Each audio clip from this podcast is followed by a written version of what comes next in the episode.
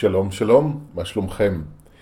אני uh, הולך לדבר היום על שלום בפרק הזה של הפודקאסט, בעקבות uh, המלחמה שהייתה שבוע שעבר, או הסבב הנוסף במלחמה המתמשכת שאירע בשבוע שעבר. Uh, גם uh, בסוף השבוע האחרון uh, בקבוצת פייסבוק uh, תקשור עם העולם שבפנים, uh, זה היה הנושא. בכל סוף שבוע אני מעלה שאלה בקבוצה ומזמין את המתקשרים שחברים בקבוצה לתקשר תשובה עבור השאלה הזו. ובסוף השבוע האחרון השאלה הייתה על שלום פנימי, איך יוצרים שלום פנימי. והיו כל מיני תשובות מאוד מעניינות שהגיעו ונוצרו כתוצאה מכך. והחלטתי ש... בואו נדבר היום על שלום, בואו נדבר על מלחמה, בואו נדבר על שלום. אני, אה, סליחה, אה, רוצה בתור אה, התחלה אולי להקריא את התשובה של תואר לשאלה הזו. כי היא נותנת איזושהי נקודת מוצא, והמסר שלהם הוא משמעותי, הוא גם היה קצת מפתיע עבורי, אז ככה הם אומרים במילים שלי, כאילו, בטון שלי, כן? יותר מכל, כדאי להכיר במלחמה. להכיר בעובדה הפשוטה הזו שרבים מטשטשים אותה. לא לקרוא לכך ביקורת או אשמה, לא לקרוא לכך פחד או כאב, לקרוא לכך מלחמה, שכן אלו הם הביטויים שלה. כאשר תבינו כי אתם במלחמה, גם כאשר אתם מפחדים אתם במלחמה, אז תדעו כי עשיתם צעד משמעותי בדרך ליצור שלום. איך יוצרים שלום? מהו השלב הבא? להיות במלחמה, בהחלט. לפחד, לכאוב, להיות האשמה והביקורת. להיות בכך במודע, להפסיק להתנגד. כי ההתנגדות למי שאתם היא המלחמה. וגם אם אתם מלחמה, אל תילחמו בה. היו המלחמה מבלי להילחם בה, מבלי לרצות לסיים אותה. עשו שלום עם מצב פנימי זה של מאבק, עם מצב פנימי זה של סתירה, של התנגדות, של פחד האומר לכם מה לעשות ומה לא לעשות כדי להימנע ממפלה. היו בשלום עם המלחמה וזאת תהפוך לאהבה. אמ, זה הפתיע אותי כי, כי כשתואר אמרו בעצם שפחד וכאב זה מלחמה, זה הפתיע אותי, כי זה רגשות. ואני כן הבנתי שאם אני מתנגד למשהו, זאת מלחמה, ואם אני במלחמה עם עצמי, אז לא להילחם בזה.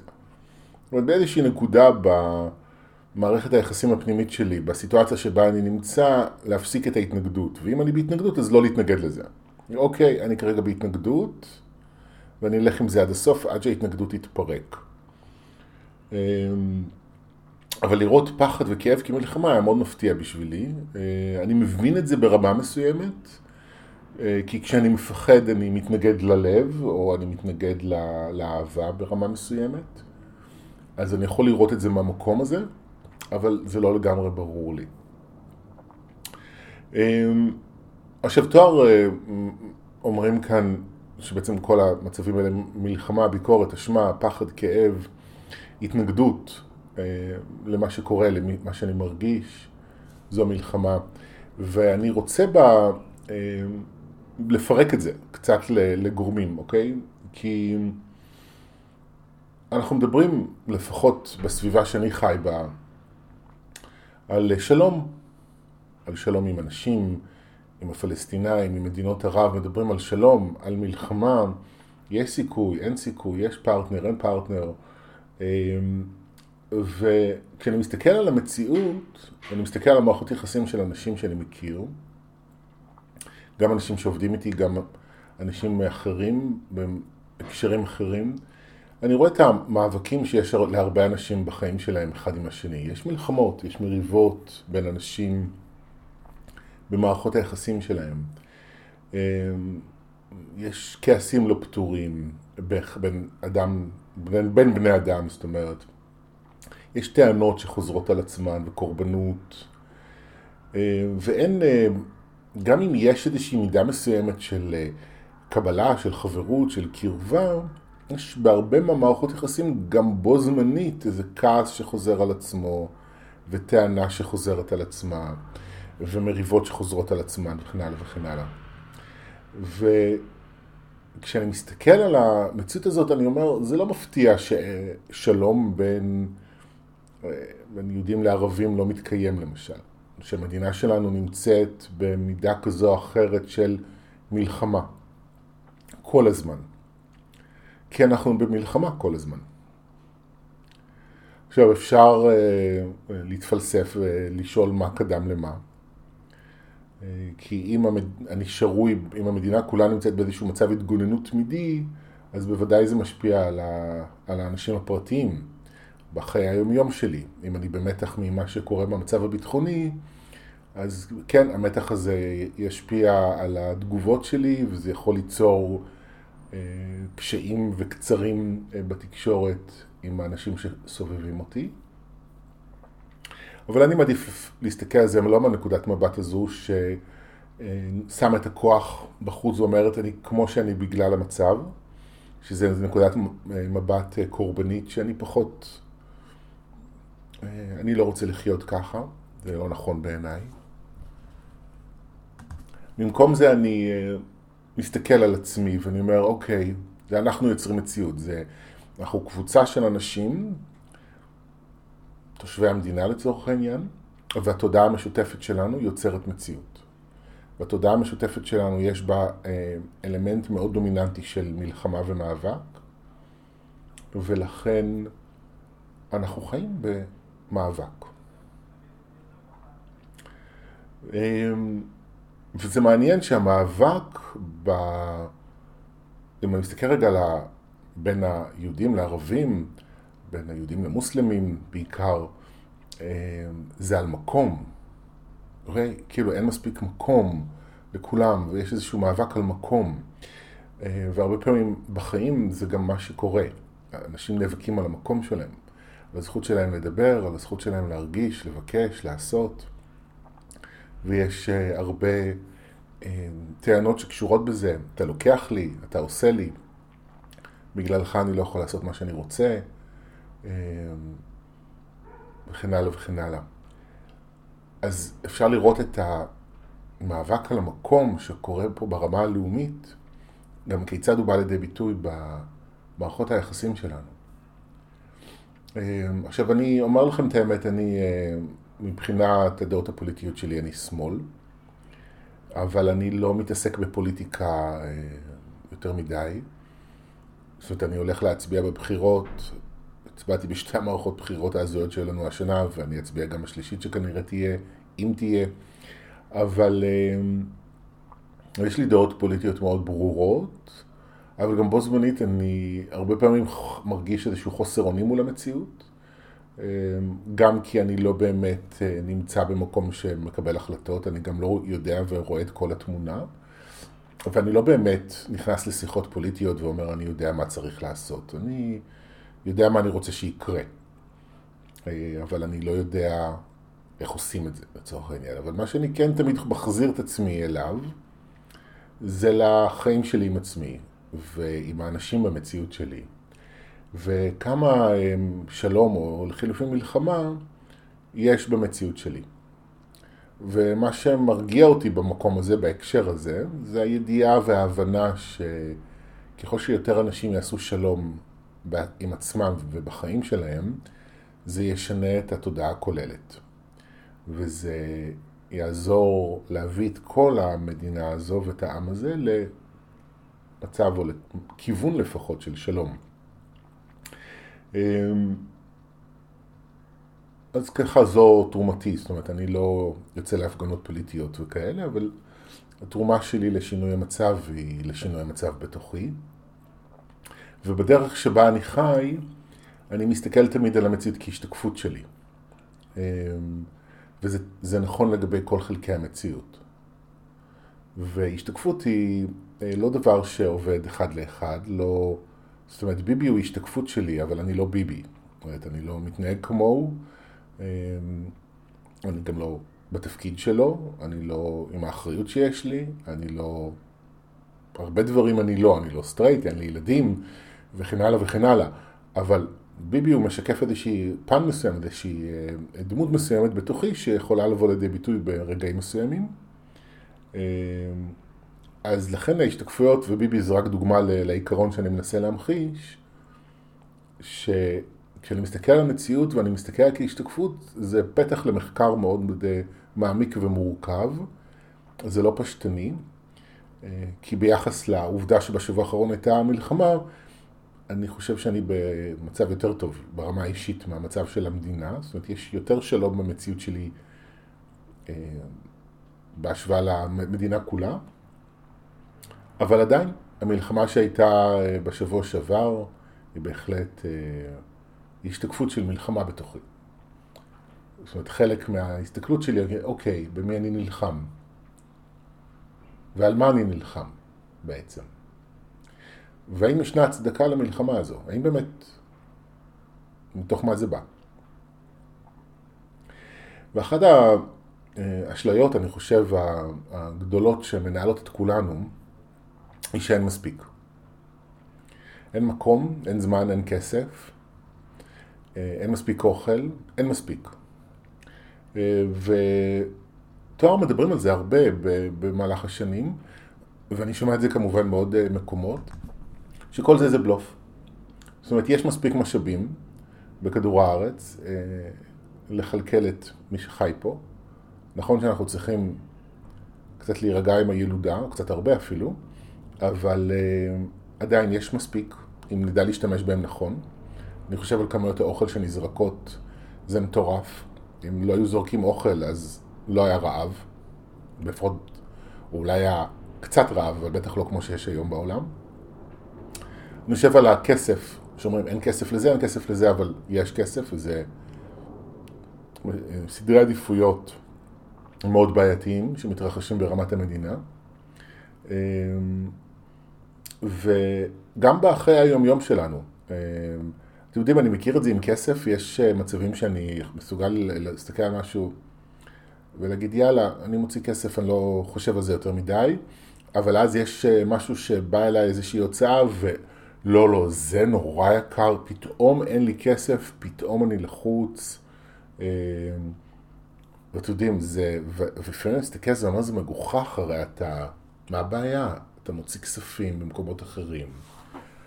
אין לך בעיה, וגם אין לי, אין לי באמת, אה, זה לא מציאות שבאמת אין לי כסף להוציא את זה. אבל יש את המשפט הזה, לא, לא, זה יקר, אין לי כסף לזה. שזה עוד מצב טוב להגיד, אין לי כסף לזה. כי רוב האנשים אומרים אין לי כסף. אה, כשבפועל מה שבאמת קורה זה שזה פשוט עניין של סדרי עדיפויות. ותנסו לשנות את זה ולהסתכל על זה ולהגיד אוקיי, זה לא בסדר עדיפויות שלי להשקיע בזה, לעומת אין לי כסף. המשפט הראשון הוא משפט של, שמזהה מה יש. אוקיי, יש לי, אבל אני לא רוצה להוציא את זה על זה. זאת משפט שאומר אין לי. וכשאני אומר אין לי, אני מייצר אין לי. כשאני אומר ומזהה מה יש לי, אני מחזק את הנוכחות שלו בחוויה שלי ובמציאות שלי. וזה מאוד משמעותי בכל מה שקשור ליצירת מציאות. וגם זמן. אנחנו חיים בחברה שבה אנחנו מנסים לעשות הכל, ולהספיק הכל, דבר שהוא לא אפשרי. וכשאנחנו מנסים להספיק הכל, אין לנו זמן לדברים מסוימים. אבל אם אנחנו אה, עושים סדרי עדיפויות ולוקחים אחריות על הבחירות שלנו ומבינים שאי אפשר הכל, אז יש זמן לדברים שהם חשובים. ובכלל אני מכיר את השימוש הזה באין זמן ואין כסף, זה הרבה פעמים בכלל תירוץ ל"אני לא רוצה", "זה לא מתאים לי". אמ, אולי זה מפחיד אותי ואני מעדיף להימנע מזה. זאת אומרת, יש הרבה פעמים סיבות יותר עמוקות מתחת לאין זמן ואין כסף שאנשים משתמשים בו. זה לא באמת אה, קשור לזה. אבל זה, אני חוזר רגע, חוזר רגע לנושא הגדול ואני אומר, בתוך המציאות הזאת אנחנו חיים, אין זמן, אין כסף, אין לי מקום בעולם. יש מישהי שלומד אצלי באחת הקבוצות שדיברנו פעם ב... על נושא של מקום. ואמרתי לה, יש לך מקום בעולם מעצם קיומך, יש לך מקום בעולם. והשיחה הזו הייתה לפני הרבה זמן, והיא מדי פעם חוזרת לשיחה הזו ואומרת לי שזה היה משפט משנה חיים עבורה. וזה גם מה שאני אוהב בעבודה עם אנשים, כי אני אומר דברים שאין מושג מה משפיע ומה לא משפיע, ואז אני מגלה שדברים שבכלל לא חשבתי עליהם יכולים אה, להוות אה, שינוי כזה גדול. וכי כשאמרתי את המשפט הזה, זה נראה לי עובדה בסיסית. לא איזה משהו מיוחד, כן? יש לכולנו מקום בעולם, כי אנחנו קיימים בעולם. אבל uh, מה שבאמת חסר, ואני מבין למה, למה היא... המשפט הזה כל כך השפיע עליה, למה הוא נגע בה כל כך? כי מה שאין לנו זה את החוויה הבסיסית שיש לי זכות לבטא את עצמי בעולם, לממש את עצמי בעולם, להיות מי שאני, להרגיש, לחשוב, לרצות, לעשות. החוויית זכות הבסיסית הזאת, מעצם קיומי, היא פגועה.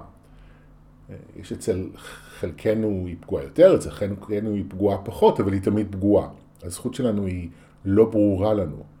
ואז יש לנו חוסר ביטחון, ויש לנו ספקות עצמיים, וביקורת עצמית, ומשם נובעת המלחמה. כי אם אין לי זכות, אז אני צריך להצדיק את עצמי, צריך להוכיח את עצמי, או לחילופין, לשנות את עצמי כדי לקבל אישור שמותר לי להיות כמו שאני. שזה דרך אגב פרדוקס, כי אם אני צריך לשנות את עצמי כדי לקבל אישור להיות מי שאני, גם אם אני אקבל את האישור הזה, אני כבר שיניתי את עצמי, אז אני אף פעם לא יכול להיות עצמי. ולמרות האבסורד הזה אנחנו ממשיכים, טוב, אנחנו ממשיכים כי אנחנו לא מבינים את האבסורד הזה, אבל אם תבינו את האבסורד הזה, זה, זה יעזור לכם להפסיק את הטירוף הזה של בוא אני אשנה את עצמי כדי לקבל אישור להיות מי שאני. אז זה לא עובד. אבל אז אנחנו במאבק, ואז אנחנו נעלבים שאנשים אה, לא נותנים לנו את האישור, כלומר אה, עוקצים אותנו, אה, יורדים עלינו, מסתלבטים עלינו, באים אלינו בטענות, אז אנחנו נעלבים ונפגעים, ואנחנו כועסים על אנשים, ואנחנו יכולים ממש לריב איתם, איך, למה אמרת לי ככה, ואיך דיברת אליי, ומה עשיתי לך לא בסדר, ומה אתה רוצה ממני, ואני לא מבין, ורק ניסיתי לעשות טוב, ורק ככה ורק ככה. יש המון מהדינמיקה הזו בתוך המערכות יחסים שלנו, כי חסרה שם הזכות הבסיסית הזו של פשוט מותר לי להיות מי שאני. ואת האישור הזה שחסר לנו, וזה הנדבך השני בבעייתיות של המציאות הזו, אנחנו מחפשים בחוץ, אנחנו מחפשים אצל אנשים שאנחנו, אה, בין אם אנחנו מכירים אותם ובין אם לא, הם אנשים שהם לא יכולים לספק לנו את זה, אוקיי? זאת אומרת, אם אני מסתכל על זה ברמה התפתחותית, אז זה היה התפקיד בראש ובראשונה של ההורים שלנו, וקיבלנו את זה במידה שקיבלנו את זה מהם. ולכולנו יש איזשהו חוסר כזה או אחר שקשור באישור מההורים. ואחר כך נכנסו עוד דמויות מפתח, אה, כל אחד בהתאם לסיפור חיים שלו, שנתנו או לא נתנו את האישור הזה. ואנחנו כמבוגרים כבר מחפשים תחליפים, כי לא קיבלנו את זה, אז אנחנו מחפשים את זה אצל דמויות אחרות. בוסים, קולגות, ילדים, בני בנות זוג, חברים, לפעמים אנשים ברחוב, אנשים ברש... ברשתות חברתיות וכן הלאה וכן הלאה.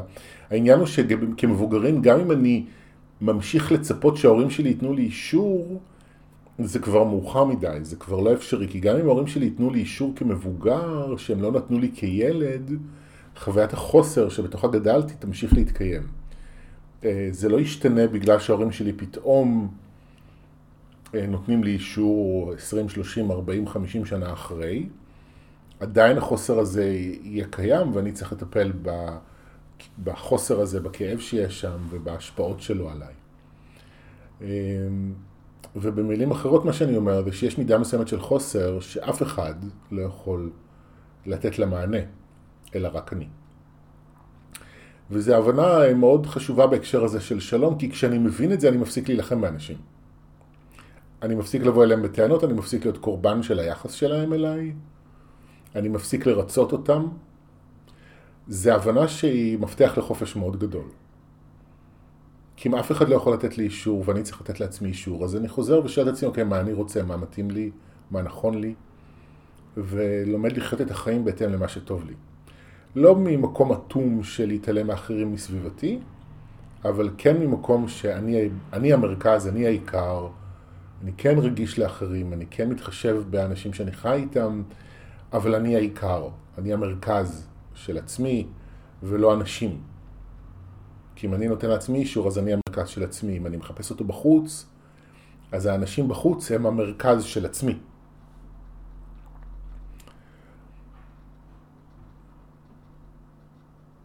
אני פשוט אה, חושב על אה, זוגיות כרגע, ועל הקשיים שיש לנו במקום הזה. במסגרת השיחות שלי בימים האחרונים בנושא הזה. על ה... איך זה גם מתבטא בזוגיות, אבל זה גם מתבטא בכלל במערכות יחסים, בכל סוג המערכות יחסים. על אה, לרצות, ומנגד, אוקיי, אני הולך אחרי האמת שלי, אני נאמן לעצמי, וכן, אני לוקח בחשבון שאולי אני אאבד אנשים בדרך, אבל אני מרוויח את עצמי, שזה בסופו של דבר משמעותי מאוד. זה אולי הדבר הכי חשוב בעיניי. זה להרוויח את עצמי, זה להיות חבר של עצמי, לתת לעצמי את הגב, את הבסיס, את התמיכה שאני זקוק להם, כדי לחיות את החיים האלה במלואם, כדי ליהנות מהם.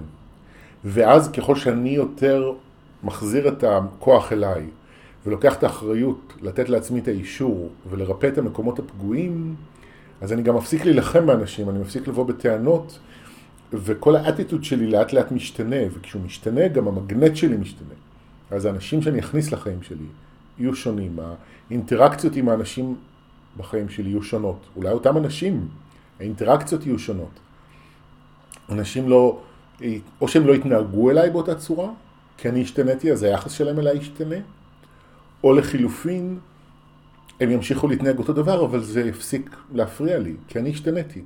אז זה כבר לא כואב לי. זה לא מעליב אותי, כי אני לא מחפש אצלם.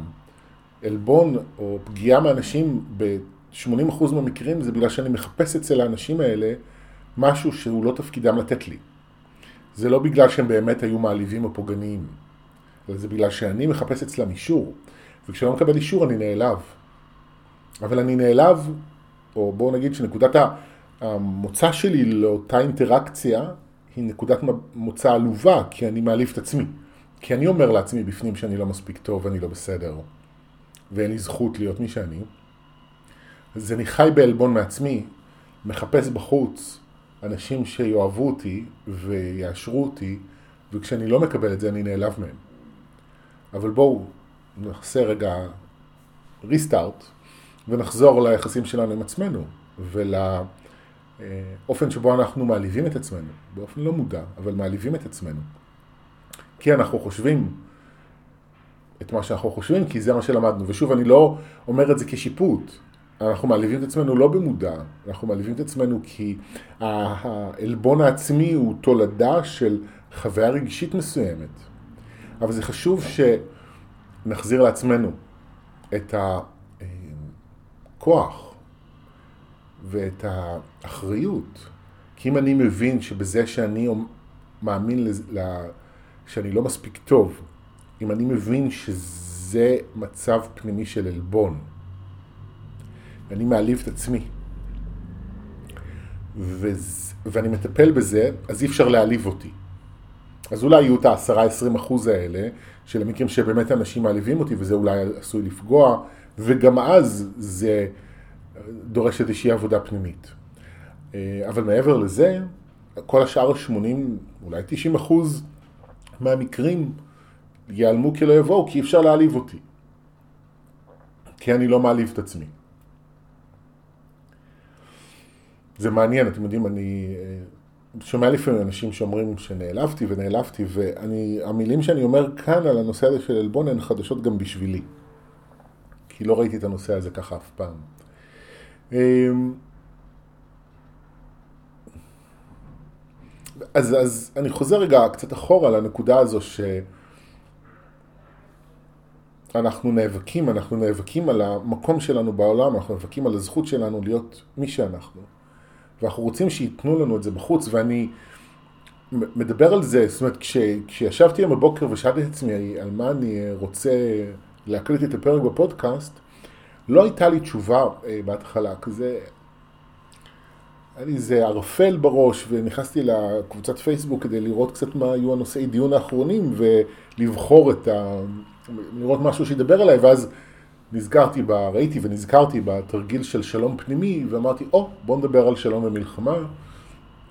ואני כהרגלי, כשאני מקליט uh, את הפרק בפודקאסט, אני בא עם נושא, אני לא יודע על מה אני הולך לדבר. זאת אומרת, אין לי איזה נקודות שאני רושם לעצמי כדי לוודא שאני מדבר עליהן. זה מה שיוצא יוצא. וככל שאני מדבר בפרק הזה על הנושא הזה של מקום, אני גם מבין את הרלוונטיות שלו לחיים שלי, ואני לא סתם בחרתי בזה, כי כשאני מדבר על הנושא הזה כאן, זה גם תזכורת בשבילי לחזור אה, להסתכל על הדברים. איפה היום המציאות שלי? אני במאבק על מקום. והמאבק על מקום קיים, אני יכול לראות אותו.